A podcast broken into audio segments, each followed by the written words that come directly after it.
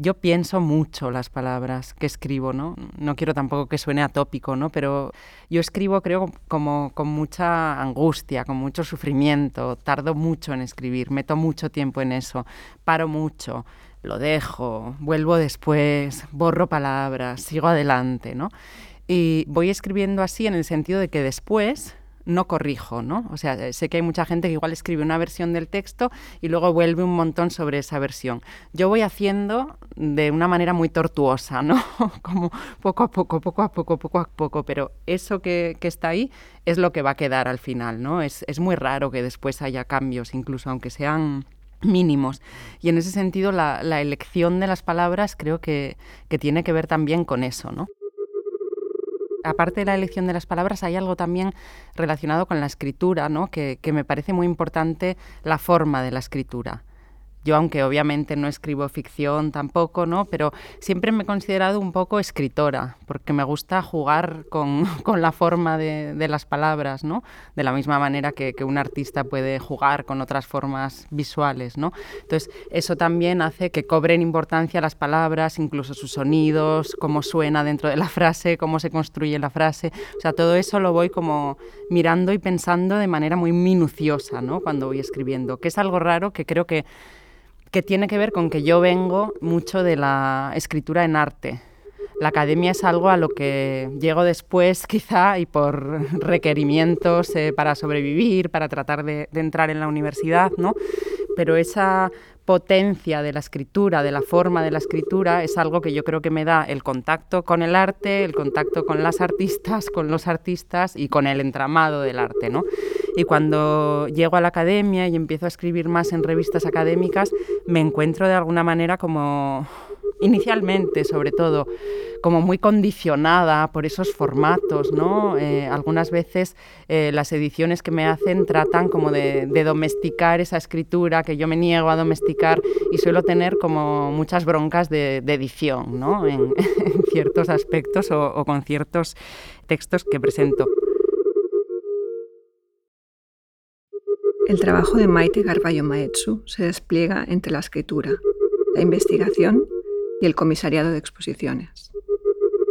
Investigadora postdoctoral en la Universitat Oberta de Cataluña y directora académica del Máster en Prácticas Artísticas y Estudios Culturales Cuerpo, Afecto, Territorio, sus principales líneas de investigación conectan el arte contemporáneo, la cultura visual, los estudios de género y los estudios de performance en el contexto español y latinoamericano. Parte de su trabajo analiza las múltiples estrategias estéticas mediante las cuales las mujeres disputan la ocupación del espacio y reformulan las maneras en que son vistas. Se trata de formas, de, colaboración vinculadas desde el activismo y el arte, que, entre, otros, cometidos, procuran torcer, la, lengua, explorando, una perplejidad tensa, nunca resuelta, entre aparición y desaparición.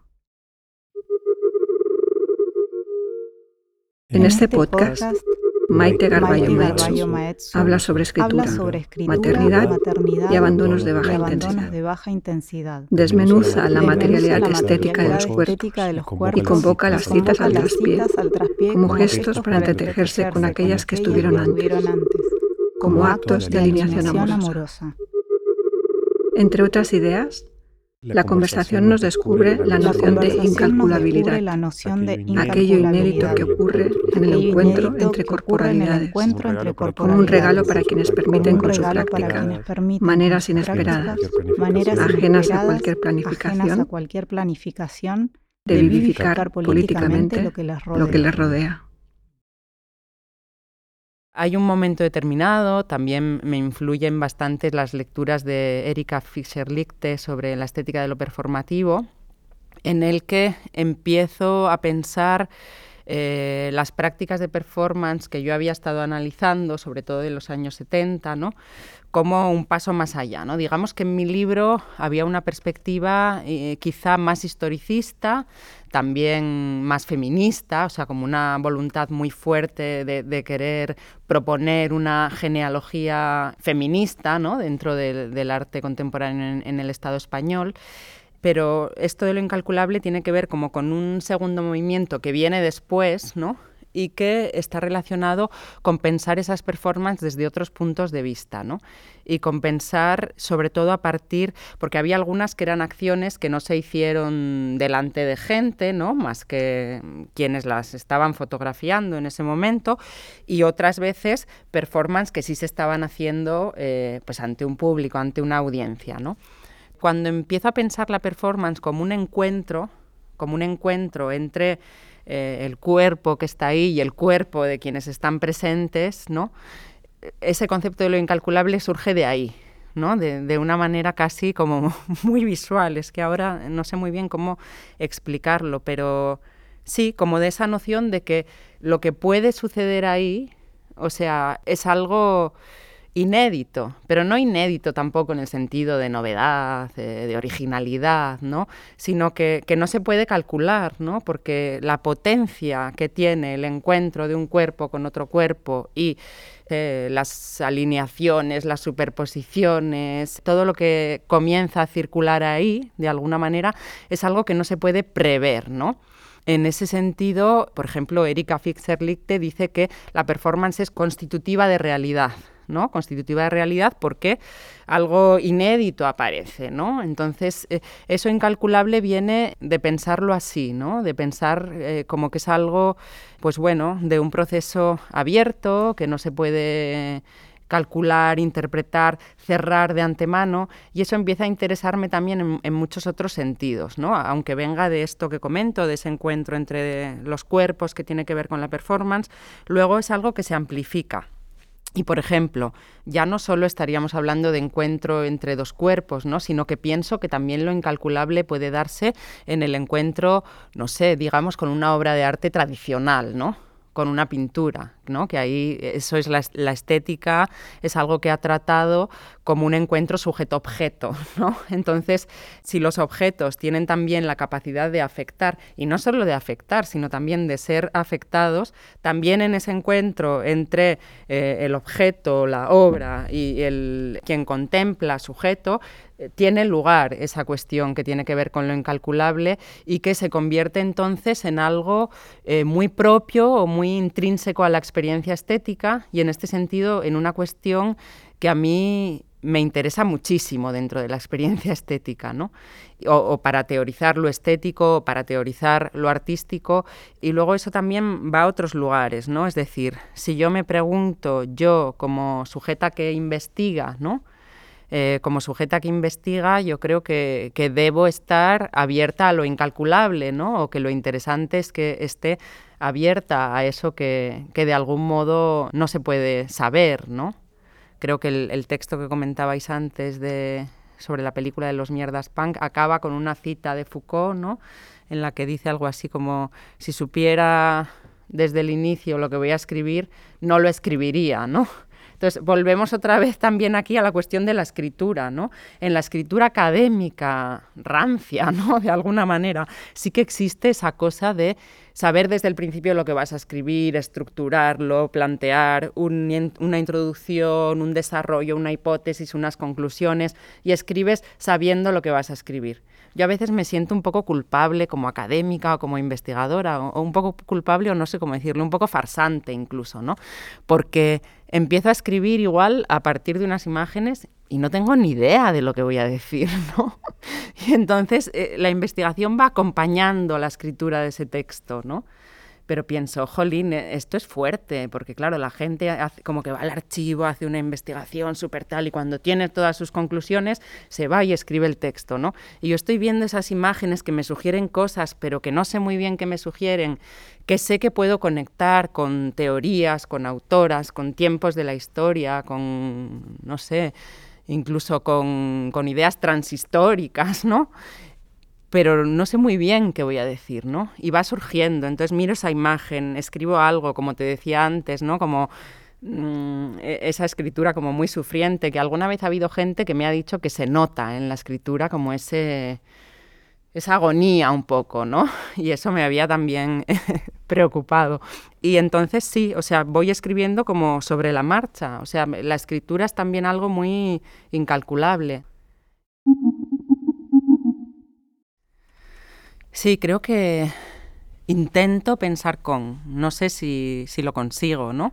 O no sé a veces también si es un lugar común de ahora, ¿no? Que todos somos muy guays y queremos pensar con y, desde lo colectivo igual también hay algo de eso. O sea, para mí sí que realmente eh, ha sido siempre como, como un intento, ¿no? Y no solamente un intento, sino es que también, o sea, esta idea de de la investigación en soledad, que yo creo que se ha debatido más en lo artístico, ¿no? O sea, ya está superada esta idea del artista genio en su estudio, ¿no? Como, también como paradigma de la masculinidad blanca, occidental, privilegiada, etcétera, ¿no?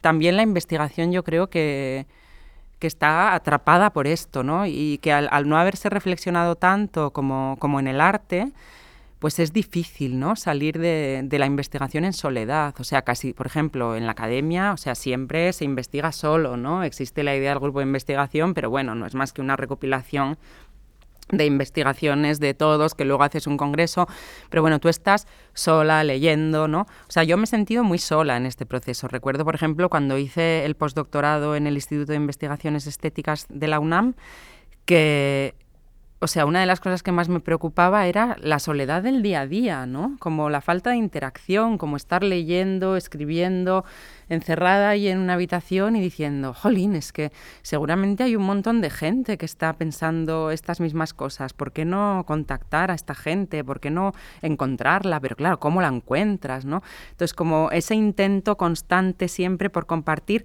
que cada día es más difícil, porque claro, a la vez estamos con tan poquísimo tiempo, tan inmersas en esta lógica productiva y tan precarias muchas veces, ¿no? que ya no es mi situación ahora en este momento exactamente, pero bueno, lo ha sido, que claro, ¿quién tiene tiempo para sentarse a compartir sus investigaciones? ¿no? Esto es una utopía y así tienes encima cargas de cuidado, etcétera, bueno, es muy difícil, ¿no?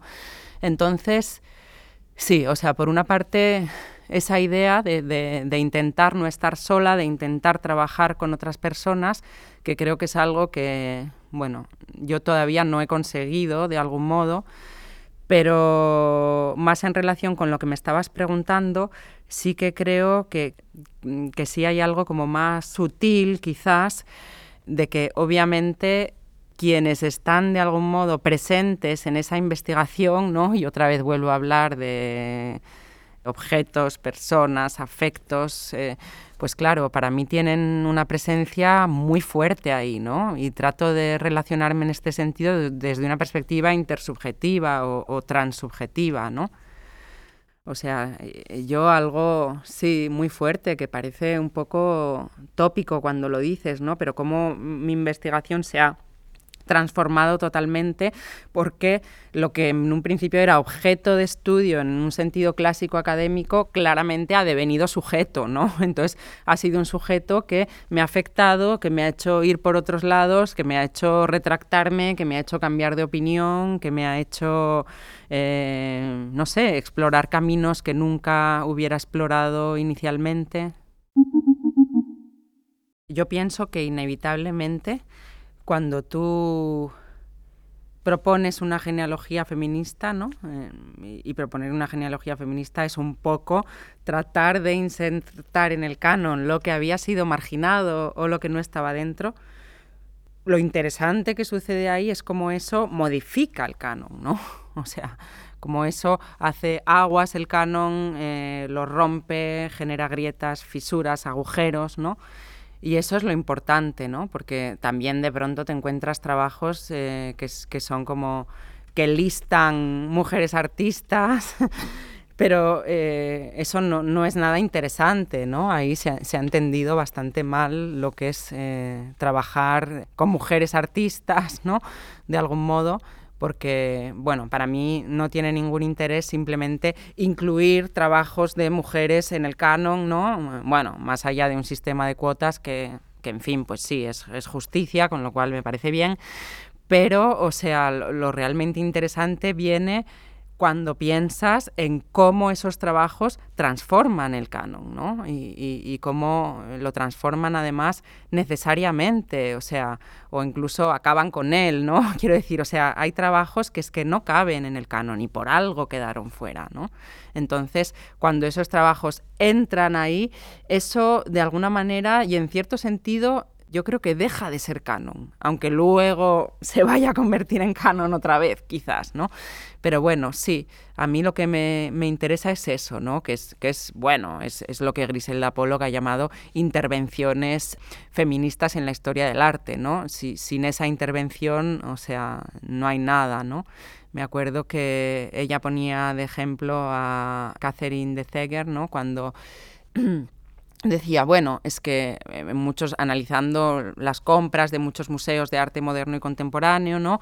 Que eh, lo que hacían era mm, coger unas pocas cubistas e introducirlas en la colección cubista y que todo siguiera igual. Ahora unas pocas surrealistas, introducirlas en la colección surrealista. Pero claro, de este modo el museo se, se mantiene estanco, ¿no? impertérrito, no cambia absolutamente nada, es modificado ahí, ¿no? Cuando estos trabajos eh, lo modifican seguro, ¿no? Entonces, lo que la introducción de estos trabajos tendría que suponer para el museo iguales que dejase de existir esa periodización absurda, ¿no?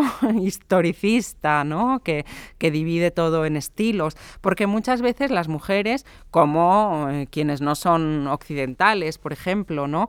es que eh, no son fácilmente introducibles dentro de, de esos periodos o dentro de, esos estilos, ¿no? Porque su producción ha estado marcada por muchas otras cosas, ¿no? Y por muchas otras eh, subalternidades que han hecho precisamente que no puedan entrar ahí. Entonces, en el momento en que entran, eh, si entran, tienen que entrar haciendo estallar todo lo que está contenido ahí, ¿no? O sea, tanto en el museo como en la historia del arte, ¿no? Y yo creo que, que, este es un malentendido y bueno, que sí que hay también muchas investigadoras que están trabajando desde esta noción de la, de la intervención, ¿no? Y esto, bueno, esto me parece interesante. En el caso concreto de mi libro, yo creo que es más complejo porque, claro, también en ese momento el Estado español ocupa un lugar periférico ¿no? dentro de las prácticas que podríamos eh, llamar, eh, no sé, conceptuales ¿no? en aquel momento, o luego dentro de lo que será también toda la posmodernidad. Entonces, desde ese lugar periférico no solo por ser el Estado español, sino también porque en los años 70 aquí eh, el panorama estaba muy anquilosado, ¿no? Tras 40 años de dictadura franquista, entonces, quiero decir, era un desierto eh, cultural, intelectual, artístico, ¿no? Entonces, creo que es más difícil pensar ahí en la, eh, no quiero llamarlo subalternidad, pero ahora no me viene otra palabra, ¿no? De las mujeres en ese panorama ya subalterno, dictatorial, etcétera. Pero sí, obviamente, las mujeres ocuparon una posición todavía más marginal, ¿no? dentro de todo eso. Y eso, eh, ¿en qué se traduce o cómo se puede intentar trabajar eso ahí te vas encontrando con, muchas problemáticas. Porque algo que sucede, y que yo he hablado de esto muchas veces y creo que es importante, cuando yo me empiezo a acercar a las artistas, no sé, a Fina Miralles, a Ángel Ribé, a, Eulalia, eh, cuando empiezo a conocerlas, cuando empiezo a hablar con ellas, veo que existe una especie de constante, como un cierto recelo, rechazo del feminismo o de todo aquello que es nombrado feminista, por supuesto, de la cuestión de la etiqueta mujeres artistas, ¿no? Y claro, es totalmente entendible porque ellas tienen todo el derecho a ser eh, recuperadas, digamos, entre comillas, como artistas, ¿no? Como han sido recuperados sus contemporáneos varones, ¿no? ¿Por qué Muntadas es Muntadas y Ángel Ribe ha sido una mujer artista, ¿no? Hasta hace poco. Pues esto ha pasado así, ¿no? Y, de ahí viene ese rechazo, ¿no? Que muchas veces incluso nosotras, investigadoras feministas, somos cómplices de, esa especie de recuperación, ¿no? Que, recupera a las artistas eh, no como artistas, sino por sus especificidades eh, identitarias, es decir, por ser mujeres, ¿no? Que es mucho peor, o algo que parece mejor mejor, ¿no? Por sus especificidades, no sé, desde lo ideológico, desde lo político, como feministas, ¿no? Parece mejor, pero claro, también, ¿por qué colocar esa etiqueta, ¿no? Cuando lo que habría que hacer realmente es... Mm, bueno, pues que esa recuperación venga eh, como, como artistas de alguna manera, ¿no? Y eso sí que fue algo con lo que me encontré bastante al principio. Yo no sé si diría que o sea, sí, evidentemente, mi trabajo tiene mucho que ver con em, la, proposición de genealogías, pero es solamente una proposición, porque creo que puede haber muchas otras genealogías que contradigan las que yo he propuesto, eh, que sean otras, que sean diferentes. O sea, en el sentido de que eh, tampoco me gustaría que estas genealogías se conviertan en algo canónico, ¿no? Porque han sido trabajadas también desde no sé, desde otros lugares, mucho más desde lo afectivo, desde lo subjetivo incluso. O sea, para mí cambió mucho la perspectiva que tenía sobre muchas, muchos de los artistas, sobre muchas de las obras al ir conociéndolos, ¿no? Y al ver cómo estas conversaciones pues me iban afectando, ¿no?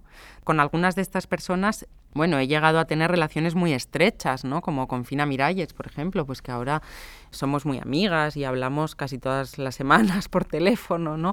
Entonces, claro, eh, a veces es difícil ahora pensar en ella sin todo lo que he hablado con ella, sin todo lo que sé sobre ella, ¿no? Cómo eso modifica la, práctica de la investigación, la práctica de esta creación de genealogías, la práctica como, historiadora del arte, ¿no? Y ahora últimamente también estaba pensando mucho eh, a raíz de las genealogías, ¿no? porque he empezado a trabajar en los últimos meses cuestiones más relacionadas con, imágenes durante la Segunda República y la Guerra Civil. Entonces, de pronto, mirando esa época y mirando la época que yo había estudiado más, que es el tardofranquismo, que son los años 70, ¿no? que en medio de todas de esas dos épocas está la dictadura, que es algo que mi trabajo ha obviado, pero que hay muchas investigadoras interesantísimas que han hecho un trabajo, pienso en María Rosón, por ejemplo, ¿no? en todo el trabajo que ella ha hecho sobre eh, la visualidad eh, y el género eh, en la época del franquismo y cómo, cómo la resistencia de, de, las mujeres o la resistencia de lo femenino se está viendo ahí. Pero bueno, volviendo un poco a lo mío, ¿no? pensar que ahora estoy trabajando Segunda República, Guerra Civil, que yo lo que más he trabajado es tardofranquismo, cómo conectan estas épocas. No pueden ser épocas separadas, ¿no? Hay toda una conexión, una transmisión que tiene que ver también seguramente con la noción de trauma, por ejemplo, en el sentido en el que la analiza eh, Griselda Pollock, ¿no? O sea, como que existe un lugar de transitividad y transmisión de una genealogía matrilineal que funciona como un punto de unión entre aquellas mujeres pioneras que fueron protagonistas en los años 20 ¿no? en, la República de un renacimiento cultural femenino en, en el Estado español y por supuesto, eh, las artistas que están trabajando en los años 70 eh, en las postrimerías del franquismo y también, por supuesto, con muchas de nosotras, ¿no? investigadoras, artistas, que desde el momento actual y desde los feminismos releemos sus trabajos y las citamos y las autorizamos como nuestras precursoras. ¿no? Entonces ahí esta cuestión de la genealogía se ve muy clara. ¿no? Eh, Nuria Capdevilar Huelles habla sobre los fantasmas generados por el pacto del olvido en el imaginario cultural español. Me interesa bastante esta noción. Ella habla sobre la presencia espectral del pasado femenino. Eh, para ella hay una trayectoria de la emancipación femenina en España que puede ser rastreada y que es compleja porque tiene que ver con la ciudadanía privada femenina, ¿no? con, lo femenino que siempre se ha mantenido en ese rescollo de lo privado, y eh, con el estado fantasmal de las mujeres en nuestra historia y con la ausencia de lo matrilineal en los procesos de, de formación. Ella habla de un mundo escondido de la cultura española que se ha movido entre lo público y lo privado, ¿no? Y muestra la existencia de un saber que, se ha ocultado, no sé, en guaridas, en huecos, eh, en armarios, que se ha marchado al exilio, que ha desaparecido de la vida pública o que se ha escondido tras la firma del marido, ¿no? Que es algo que pasaba muchas veces también con, con las mujeres artistas en, ese momento. ¿no? Entonces me interesa pensar en cómo ese saber se filtra, se filtra por grietas, por agujeros para llegar hoy hasta, hasta nosotras, hasta nuestros cuerpos. ¿no? Sé que es algo difícil, ¿no? Y a veces es algo que, que pienso también que no es tan evidente, que permanece, digamos, latente y que se redescubre y se actualiza cuando cambian los modos en los que se leen los textos, en los que se leen las imágenes, en los que se leen las obras de arte, ¿no? que nunca se han leído, obviamente, eh, de esta manera. ¿no? Entonces, eh, yo creo que vamos como anexando otras, otros espacios de saber o ampliando a partir de que vamos siendo capaces de avanzar en los modos en los que leemos las producciones del pasado.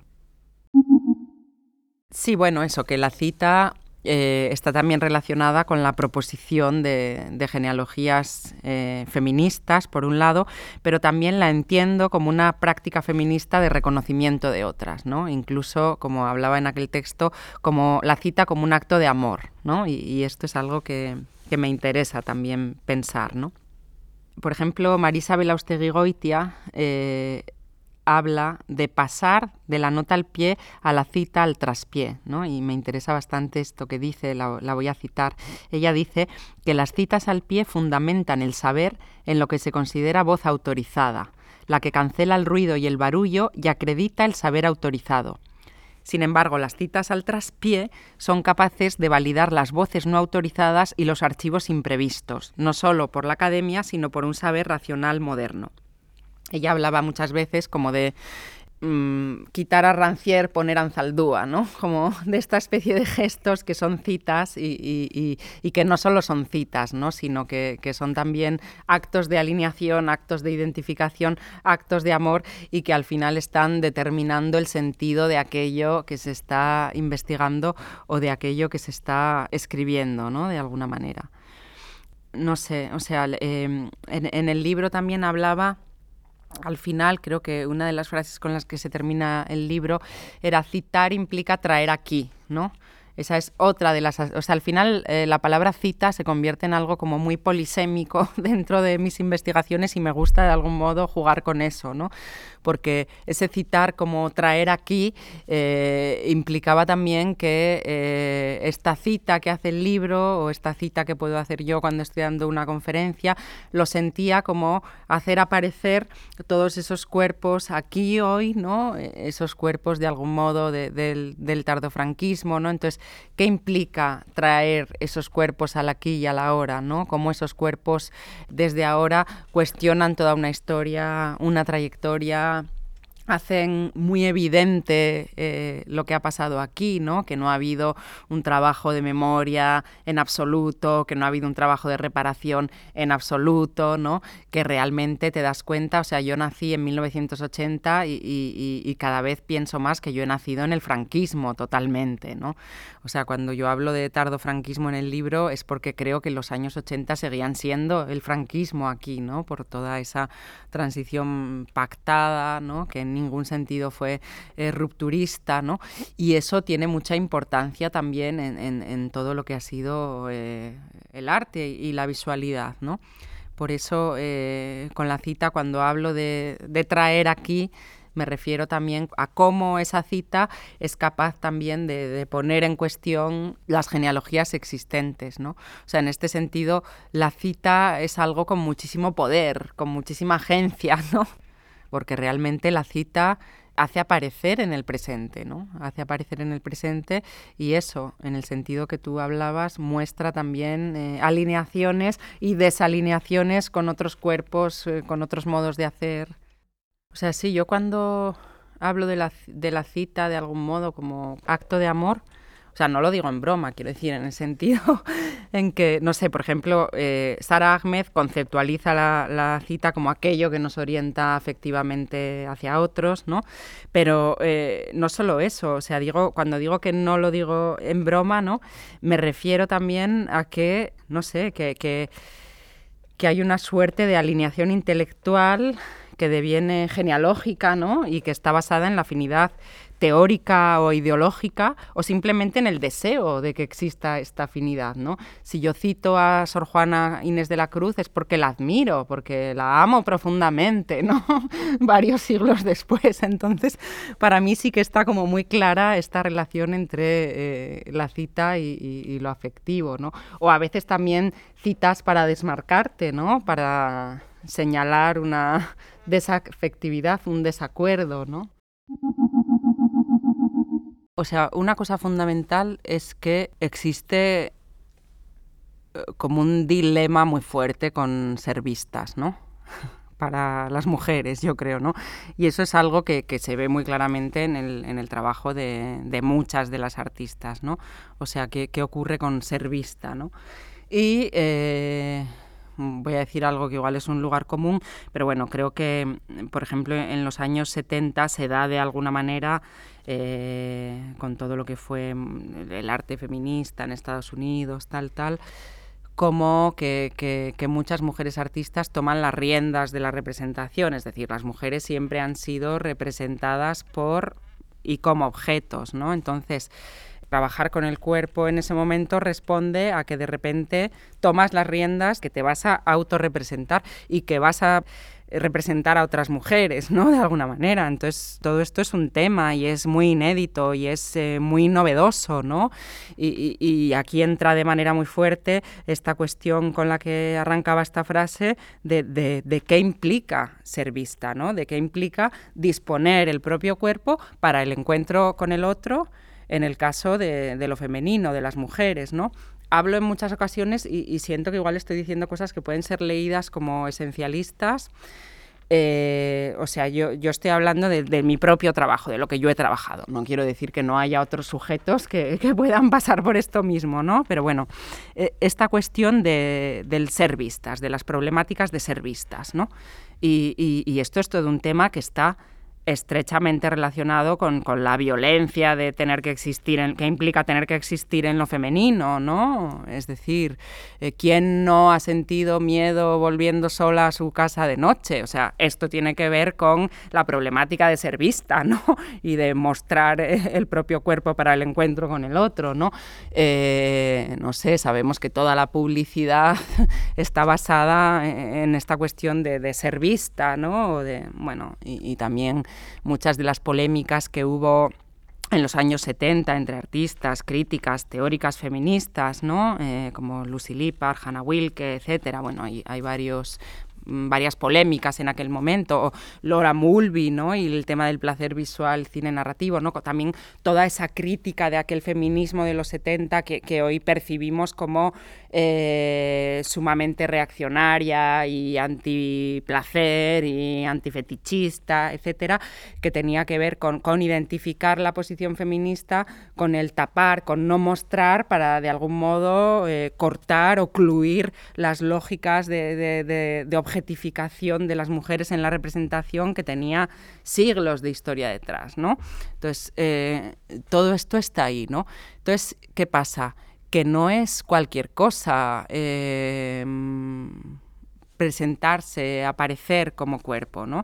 Algo que sí yo creo que, que conlleva la performance es como este o sea, ahí se ve muy claro, o, yo por lo menos eh, lo, he, visto como muy claro en diversas ocasiones, es que hay como un traslado de la cuestión de la representación a la cuestión de la presentación, ¿no? Y, esto es muy interesante. O sea, las mujeres siempre han sido representadas, pero en, la performance, en el trabajo con el propio cuerpo, no es me voy a autorrepresentar, es que me presento, ¿no? Y ese presentarte está relacionado con lo incalculable que hablábamos también al principio, ¿no? Porque la representación de algún modo es más estanca, está más cerrada, pero ese presentarte sí está abierto a lo, incalculable, ¿no? En cierto sentido. Entonces, pensándolo desde aquí y desde esta cuestión de que no es cualquier cosa aparecer, ¿no? Para, un cuerpo femenino, aparecer a la mirada de, los otros, de las otras, aparecer eh, al espacio público, entonces, sí, claro, este es un temazo, ¿no? Entonces, es un temazo que se resuelve de, muy distintas maneras, ¿no? Y eso es lo que yo he estado tratando de, analizar. O sea, cómo disponemos nuestros cuerpos eh, para el encuentro con el otro. ¿no? E, esta ha sido una pregunta fundamental dentro de mi investigación. Y en el caso del libro, cómo se están disponiendo los cuerpos femeninos en el espacio público para ser vistos en ese momento, los cuerpos de la performance, pero también los cuerpos de las activistas feministas, ¿no? que es algo también eh, en lo que entro. Entonces, eh, esto es realmente un tema muy gordo, muy interesante, mm, lleno de aristas, lleno de, no sé, de muchísimas cosas, ¿no?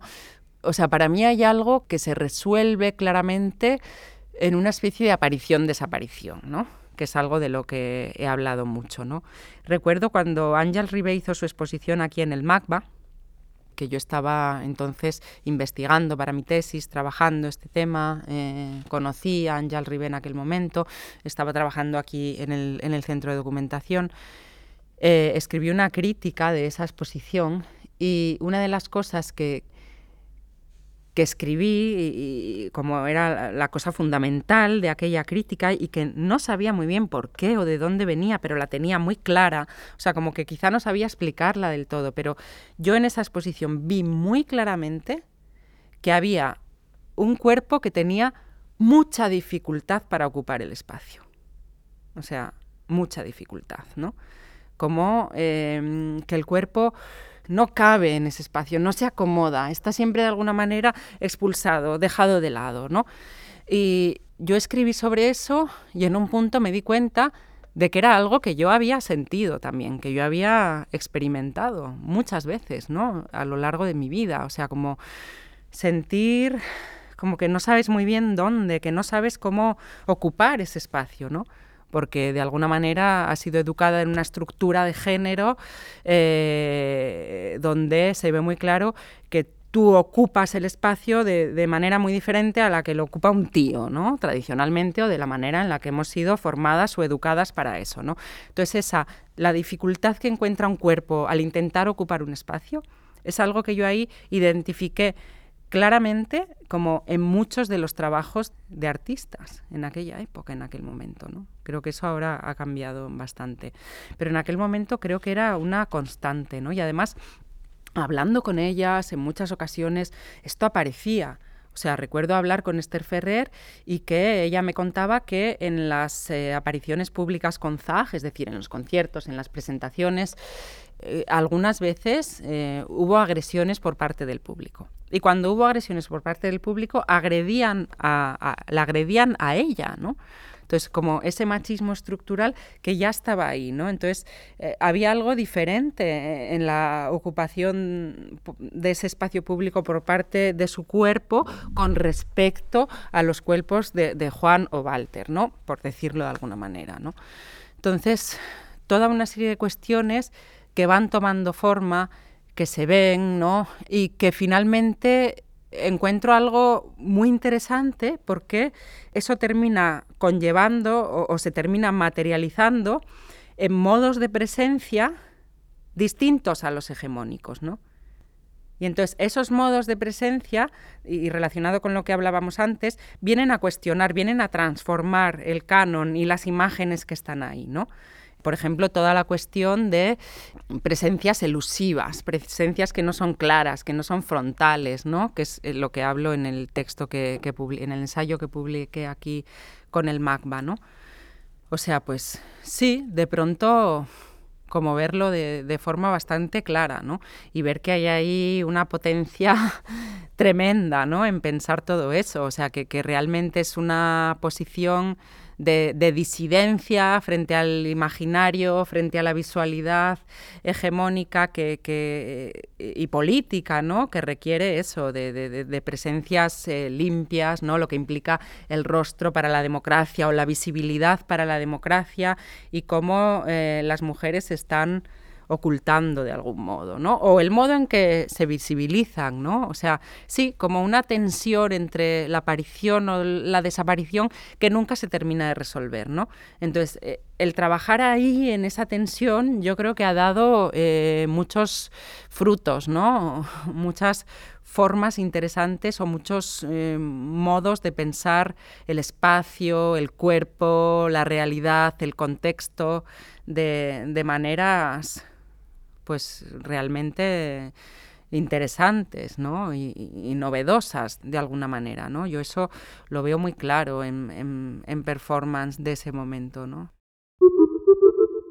Sí, para mí, para pensar todo aquello, fue muy fundamental pensar en, en las madres de Argentina. ¿no? Como pensar en las madres, o sea, y ver, ver, empezar a ver muchas imágenes de las madres, ¿no? Y darme cuenta, de, pues sí, de que ahí había unas estrategias estéticas, bueno, tremendas, ¿no? Se ha hablado mucho después de estrategias estéticas del zapatismo, por ejemplo, pero no se había hablado tanto, yo creo, ahora igual más, ¿no? Pero de, estrategias estéticas de, de, las madres, ¿no? Y claramente ahí están operando de una manera muy clara, ¿no? Y está la cuestión de ser vistas, ¿no? Dentro de este dilema del que hablaba antes. Ellas quieren ser vistas y además ahí la visibilidad eh, tiene que ver o hace la contra a la desaparición, ¿no? De algún modo, ¿no? Entonces, el, ser vistas tiene que ver con hacer aparecer los cuerpos de quienes ya no están, ¿no?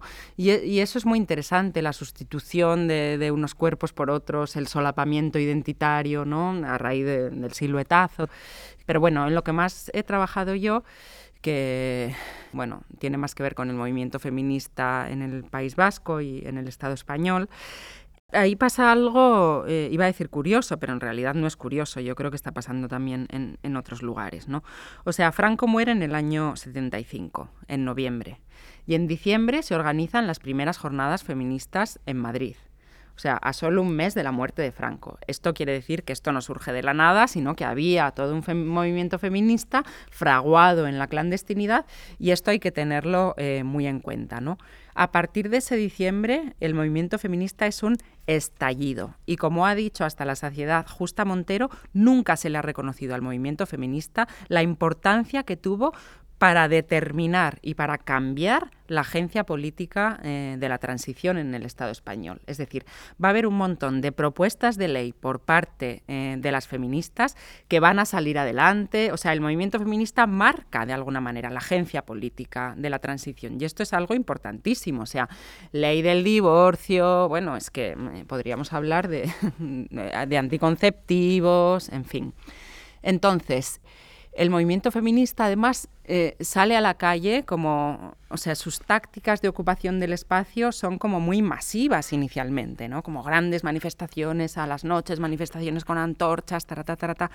Y eh, fueron además, eh, hay, constancia de que fueron duramente reprimidas por los estamentos policiales, ¿no? Este tipo de, de manifestaciones. Entonces, ¿cuál es el modo en el que estos cuerpos ocupan las calles, ¿no? Para mí aquí se daba un solapamiento entre forma y contenido, que bueno, que era relevante y que es un poco en el que me baso de cara a desarrollar toda esta idea, y es que ellas salen a la calle para reivindicar cuestiones relacionadas con el cuerpo. O sea, primeramente, porque aquí el feminismo en ese momento, en el año 76, los primeros años tras la muerte de Franco, son todo reivindicaciones eh, de derechos sexuales y reproductivos de las mujeres, es decir, corporales. O sea, las primeras reivindicaciones son amnistía para las más de 350 mujeres que en aquel momento, en el año 76, estaban todavía en las cárceles españolas por los llamados delitos específicos de la mujer, que eran adulterio, aborto y prostitución, o sea, cuerpo, ¿no? Ley del divorcio. Cuerpo, ley del aborto, cuerpo, ley de los anticonceptivos, cuerpo, ¿no? O sea, todos son cuestiones que atañen al cuerpo de las mujeres, el lugar que ocupa el cuerpo de las mujeres en el ámbito público, ¿no? ¿Y qué hacen? Ponen el cuerpo para reivindicar todas estas cuestiones relacionadas con cuerpo, ¿no? Entonces, esa concordancia formal, ese solapamiento, forma contenido de pongo el cuerpo para reivindicar cuestiones que tienen que ver con el cuerpo, es importante, porque cómo se están mostrando esos cuerpos, ¿no? Falta todavía, yo creo, mucho análisis y mucha investigación sobre esta cuestión. Yo tampoco me he centrado tantísimo en ello. Sí lo he trabajado, pero yo creo que faltaría revisar todavía mucho más material de archivo fotográfico, videográfico, que también hay. Pero una cosa que, que para mí ha sido importante o que me ha llamado la atención tiene que ver también con esta cuestión de la alineación entre cuerpos. La alineación es algo que tomó bastante de, de Ahmed. Ella habla mucho de, alineaciones cuando habla de, afectos, ¿no? Como hay unos afectos que nos alinean con unos y nos desalinean de otros, etcétera, etcétera, ¿no? Entonces, cómo esos cuerpos del feminismo están alineados entre sí y eh, alineados contra el Estado, ¿no? Entonces, ¿cómo funcionan ahí todas esas alineaciones que eh, de algún modo acabo pensando como, como afectivas, ¿no? todas las cuestiones, por ejemplo, de las autoinculpaciones, que fueron importantísimas. O sea, hubo miles y miles y miles de, firmas de autoinculpaciones. En ocasiones llegó a haber citaciones judiciales a mujeres que se habían eh, autoinculpado. Primero fue el yo también soy adúltera pero después todo el tema del yo también he abortado, ¿no? O sea, realmente era colocarte en una situación de ilegalidad, porque se entregaban autoinculpaciones en los juzgados, ¿eh? O sea, que no era tampoco ni una broma ni una campaña mediática, ¿no? Sino que eran reales estas autoinculpaciones, ¿no? Entonces, ahí claramente hay como una alineación de cuerpos que no puede no ser afectiva, que no puede no ser amorosa de algún modo, o rabiosa también si quieres, ¿no? Y no sé, sí, esto me, ha interesado también mucho pensarlo desde aquí, pensar el movimiento feminista en contraposición a eh, la militancia hegemónica de aquel momento, ¿no? que era una militancia de corte marxista profundamente eh, masculina, muy teleológica, es decir, siempre basada en un fin, con un proyecto concreto, ¿no? Y eh, los feminismos eran mucho más, no sé, más dispersos, más desdibujados también, ¿no? No sé, más... Eh, sí, o sea, se, se construían claramente de otras maneras que para mí en aquel momento confrontan eh, de forma muy fuerte las maneras en las que se está construyendo la, militancia hegemónica. ¿no? Y además hubo broncas también en este sentido. ¿no? O sea, por ejemplo, con todo el tema de, de amnistía, la izquierda se negó a incluir en amnistía a lo que llamaban presas comunes. O sea, consideraban que que una mujer estuviera encarcelada por adulterio en el año 76 en España no era político. Entonces, eso no era una presa política, era una presa común, ¿no? Eso ahí se ve muy claro, ¿no? Como los modos de, ocupar el espacio público, los modos de ocupar el cuerpo a partir de estas alineaciones de cuerpos marcadas por la cuestión de la autoinculpación ¿no? y por las imágenes que vemos ¿no? de, ellas en las calles, o sea, que, están ocupando el espacio y, y, están planteando formas de lucha en ese sentido mucho más, no quiero decir innovadoras para hablar formas de lucha, pero no me está saliendo tampoco otra palabra, pero bueno, que podríamos identificar, no sé, con lo que hemos visto en Chile eh, hace el año pasado o hace un par de años, ¿no? Y eso, eh, no sé, en, los años 70, ¿no? Entonces, que de algún modo anticipan, sí, que son, digamos, eh, pioneras en formas de lucha, ¿no? Y, y, eso creo que tampoco se ha reconocido y también es algo que creo que es muy relevante, ¿no? O pertinente recordar.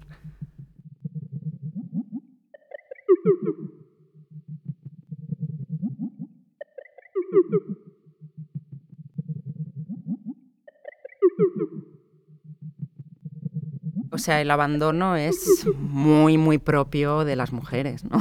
De las mujeres artistas. Es algo que aparece continuamente. y que así a primera vista y de un modo literal, pues bueno, está claro que está relacionado con, cuestiones de género, ¿no? Es decir, muchas veces la cuestión de la maternidad, el dedicarse a la crianza, el no poder continuar con este tipo de actividad que, como sabemos, además muchas veces eh, no es remunerada como un trabajo al uso, ¿no? etcétera, etcétera. Entonces, eh, o sea, yo creo que, claramente existe eso ahí. O sea, si miramos en concreto las artistas que, que, se han incluido dentro de lo que son el conceptualismo en Cataluña, la mayor parte de un modo u otro han abandonado, ¿no? Aunque sé que hay algunas que no les gustaría nada que yo ahora esté diciendo esto, pero voy a tratar de explicarlo. Es una cosa entre que han abandonado y han sido abandonadas, ¿no? Claro, aquí es más complejo porque todo esto coincide con que estas prácticas se dan en los últimos años del franquismo, primeros de la transición, y luego hay como se cubre todo por una capa bastante retrógrada, ¿no? que ya ha sido analizada muchas veces, de esta idea de la vuelta a la pintura, de eh, pues bueno, tratar de impulsar a genios hombres al extranjero, como Marceló, Sicilia, etcétera. O sea, todo esto pasó, ¿no? Cómo esas prácticas caen en el olvido, que es algo que ha estudiado bien, por ejemplo, Jesús Carrillo, ¿no?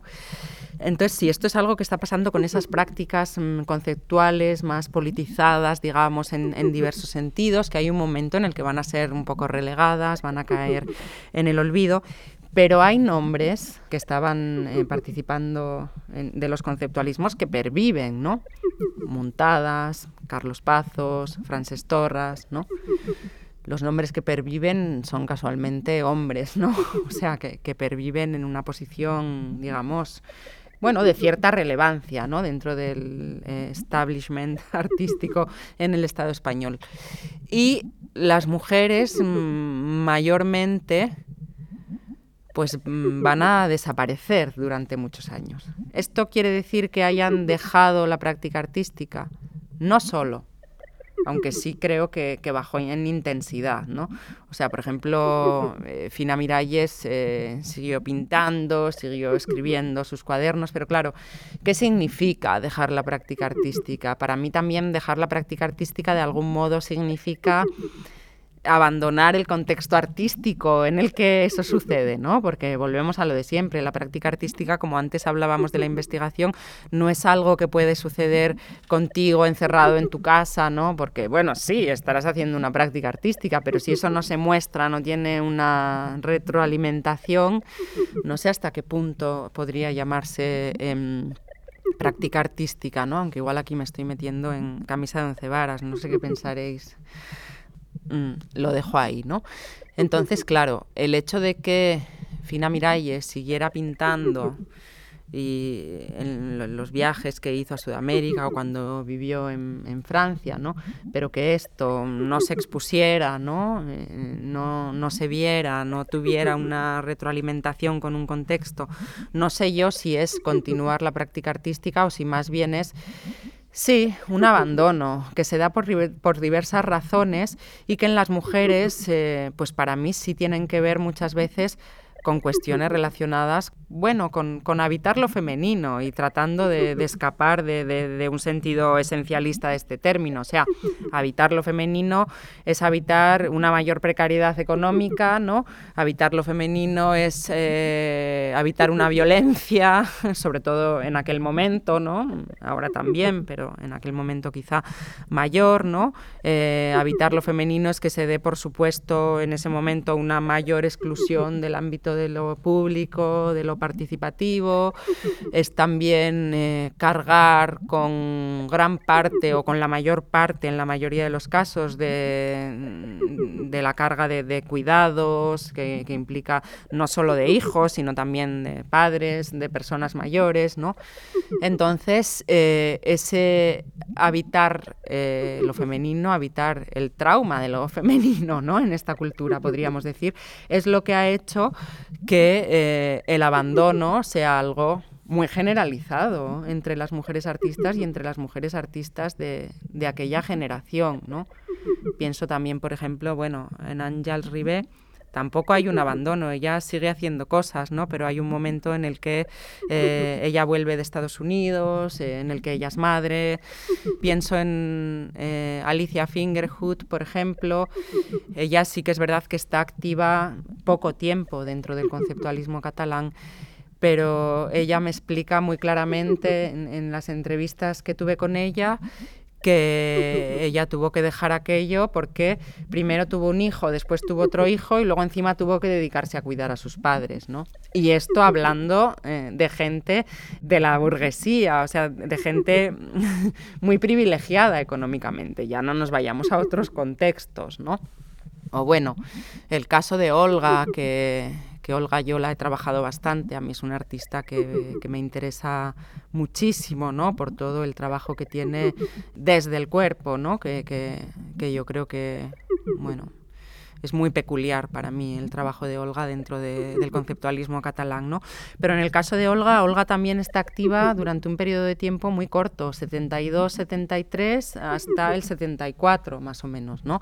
Y después eh, se dedica a otras cosas, eh, creo que después trabaja eh, de cartera en un pueblo para correos, termina en Nicaragua, donde ahí sí tiene una escuela de pintura y de artes para niños, con lo que eso sí que es una manera seguramente de, continuar la práctica, ¿no? aunque desde otra perspectiva. Pero bueno, todas las razones, aunque con Olga nunca haya hablado porque murió muy joven, ¿no?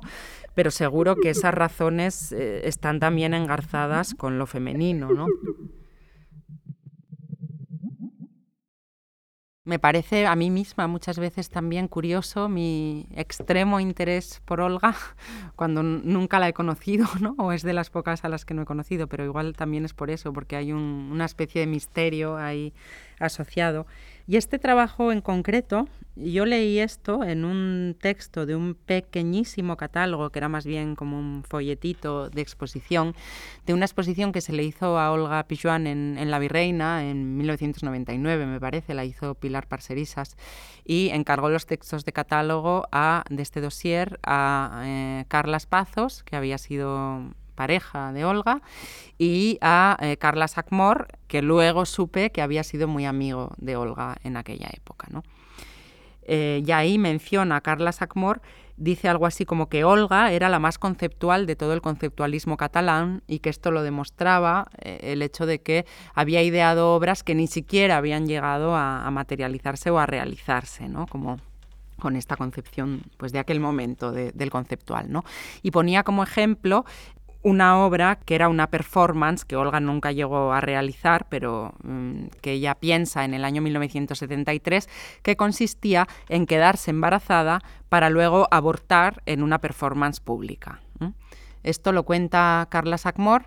Yo no he encontrado más referencias, lo he preguntado a otra gente que conoció a Olga, por ejemplo a Pazos, él decía que él nunca había oído semejante cosa, etcétera. Y después conocí también a, Carla Sackmore, que era un personaje, bueno, fantástico, ya murió. Y cuando lo conocí, yo le pregunté también mucho por esto y sí, él decía que él recordaba haber hablado con Olga de esto, ¿no? También decía que todos sus escritos eran, los escritos de él eran ficción, ¿no? Entonces era un poco confuso en este sentido, pero bueno, él, hablaba de esto, ¿no? Entonces yo decido eh, tomar esto como, como análisis, porque sí, me parecía eh, muy importante, sobre todo cuando me entero después de los abortos que se habían realizado aquí en las jornadas de las eh, Jars Mundet, ¿no? en las jornadas catalanas de la dona, que se realizan abortos, digamos, en, en público. ¿no? Además, todo el el escenario que se construye en torno a esos abortos, la rueda de prensa con unos botellines donde habían metido los embriones de los abortos realizados, unos vídeos eh, que eran un primer plano de los abortos que después se muestran en Barcelona en distintas ocasiones. Eh, bueno, en fin, que, las feministas habían orquestado todo un aparato representacional para demostrar que aquellos abortos pues realmente em, habían tenido lugar, ¿no?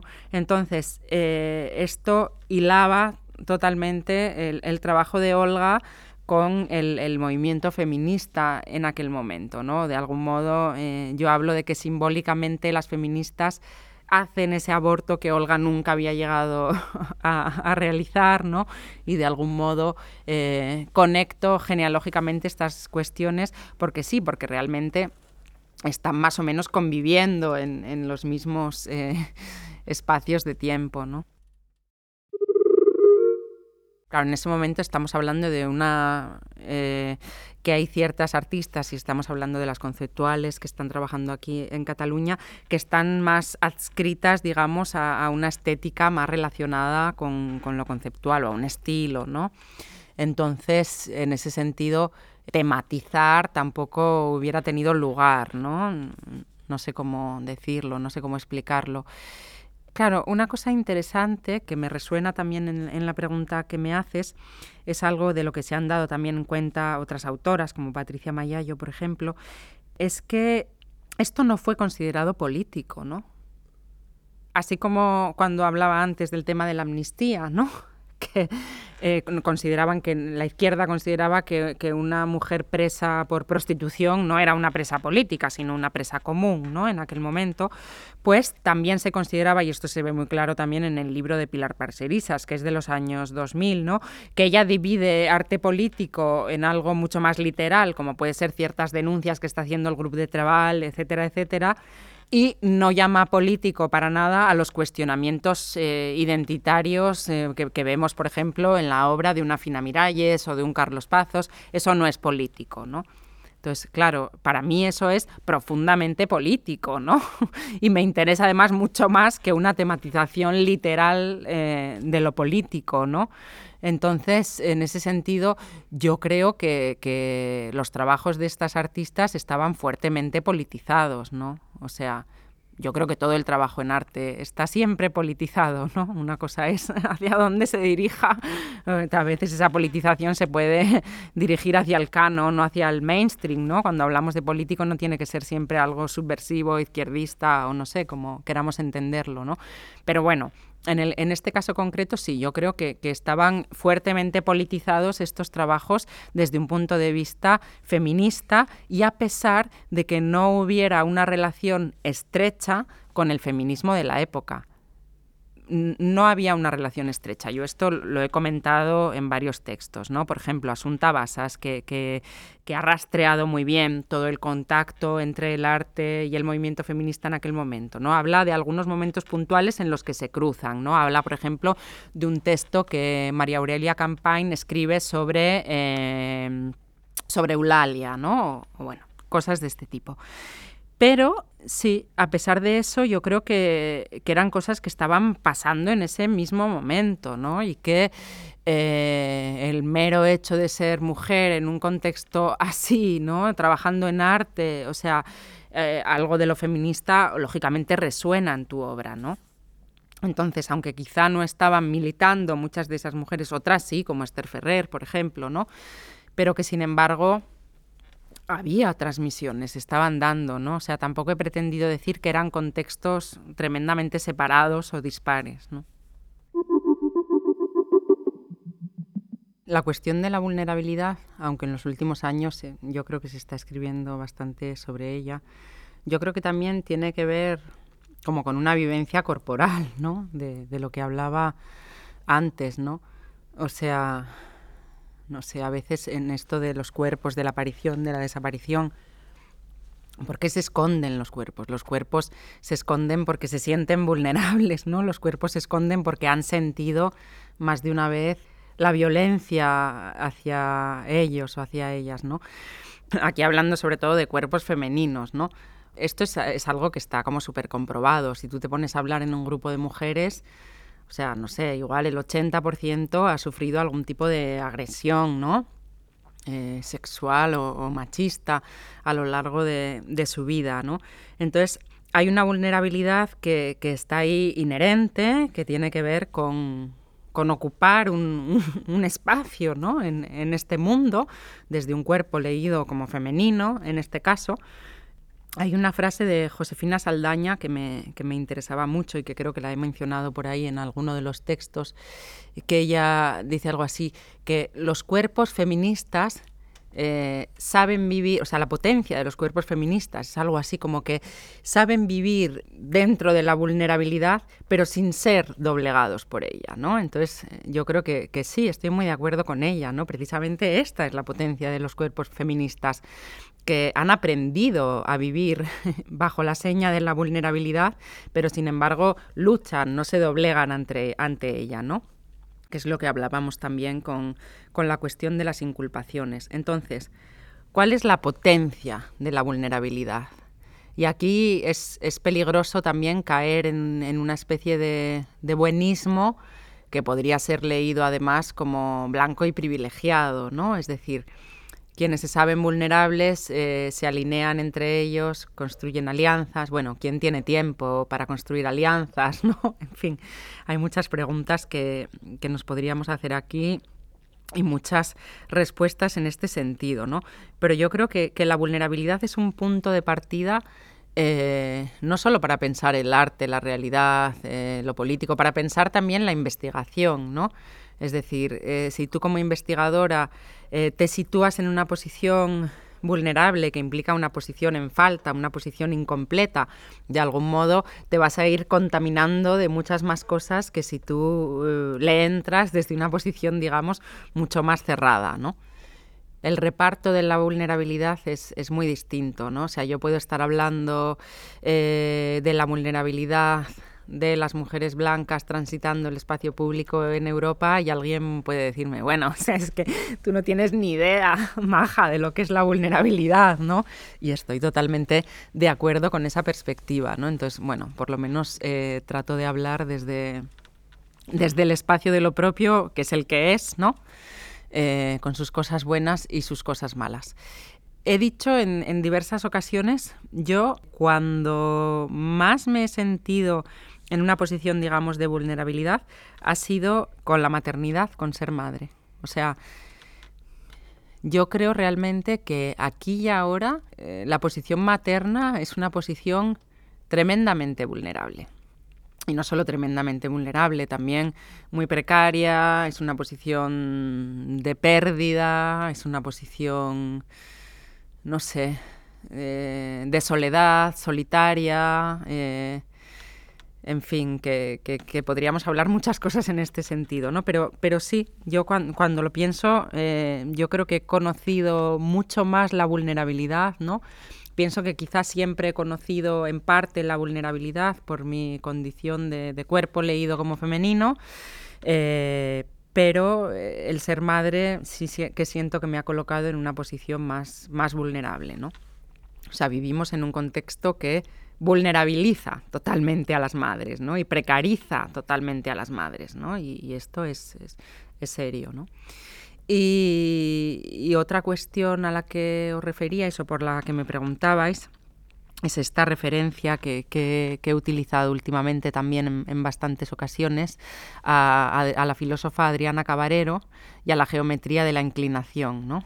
Cuando ella habla de, bueno, en su libro Inclinación, ella toma el paradigma de la, de la, Virgen con el niño, de esa Virgen inclinada hacia el niño, para hablar de una geometría de la inclinación, de una geometría, digamos, eh, del amor, de la vulnerabilidad, de lo amoroso, ¿no? de, esta mm, apertura al otro, de esta entrega al otro. ¿no? Esto es algo que recuerdo además que hubo como un encuentro aquí en el CCCB hace ya bastantes años donde estaba Cabarero y estaba también Butler. Y Cabarero expuso toda esta cuestión de la geometría de la inclinación, que, sí a mí me parece interesante, ¿no? porque implica salir un poco de sí mismo, vaciarte un poco de ti mismo para eh, abrirte al otro, esta apertura al otro que, sería también la base de, una ética, ¿no? de algún modo, de una ética mm, que tiene más que ver con lo intersubjetivo, con lo transsubjetivo. Pero entonces Recuerdo que Judith Butler, y ahora lo voy a decir eh, de forma muy, no sé, bruta, ¿no? Pero decía algo así, no estaba de acuerdo con Cabarero, ¿no? Y le recriminaba como que las mujeres siempre han estado inclinadas hacia el otro, ¿no? Y, siempre han tenido como problemas de espalda o algo así decía, por esta inclinación, por este peso que, han soportado. Y ahí se centraba un poco el debate, ¿no? Entonces, sí me interesa esta noción de la inclinación, pero también creo que a veces hay que tener cuidado en cómo se plantea porque efectivamente hay todo un historial de inclinación al otro por parte de, las mujeres. ¿no?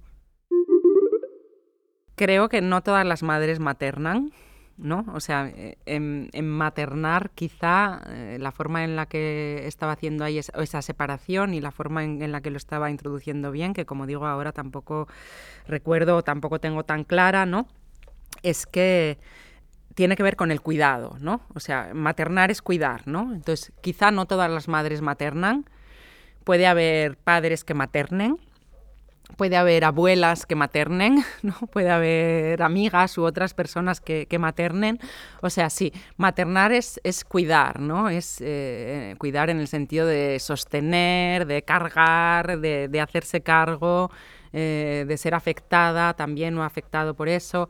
O sea, no sé, hay, hay muchas mujeres que están pues igual muy dedicadas a, su trabajo y no tienen tiempo para maternar y em, encargan sus cuidados a, terceros, normalmente terceras y normalmente también terceras racializadas aquí y en otros lugares, pero bueno, en fin, esto ocurre, ¿no? Entonces ahí la maternidad no está tan relacionada con esta noción de cuidar o de, o de maternar, ¿no? La maternidad es una carga, ¿no? O sea, para mí ha sido una carga absoluta, ¿no? O sea, pero, pero una carga en el sentido literal, o sea, en el sentido matérico, material, ¿no? Que tú ibas por el mundo de una manera, te, te movías por el mundo así, como ligera de equipaje, ¿no? De, de, algún modo, no sé, cogías un tren y ahora ibas aquí, ahora ibas allá, y de repente, ¡pum!, te cae eso encima y no puedes ni ir al baño, ¿no? Casi, o sea, vivir esto, no sé, no, no poderte no poder ir a mear porque tienes un niño encima que no lo puedes dejar en ningún lado, es algo real, ¿no?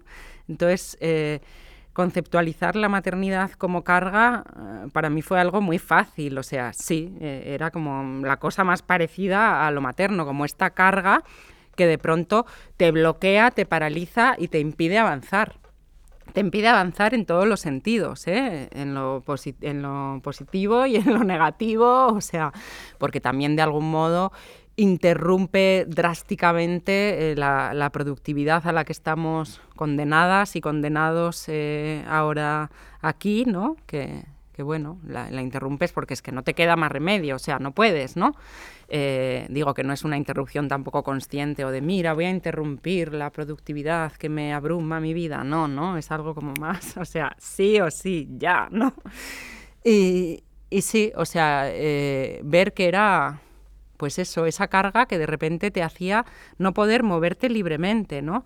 O sea, yo estaba acostumbrada a moverme libremente y esto es algo que me ha hecho también bastante consciente de mis privilegios, ¿no? Porque no todo el mundo en este mundo puede decir que puede moverse libremente, ¿no? Entonces, tomar conciencia de eso y de pronto no poder hacerlo, ¿no? O sea, bueno, ahí hay muchas cosas implicadas.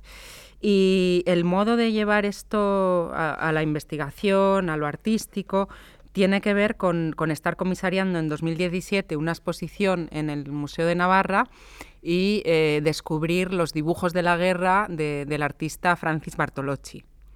Entonces, son toda una serie de dibujos en los que aparecen mayormente mujeres eh, que cargan y avanzan, ¿no? O sea, lo, que, lo que ella está retratando sobre todo es, el éxodo ante el avance del fascismo, ¿no? entre el año 37 y el año 39 en distintos lugares, ¿no? O sea, pueblos que han sido conquistados por el fascismo se abandonan y entonces las mujeres van cargando y van cargando eh, objetos, van cargando sacos, van cargando niños sobre todo, ¿no?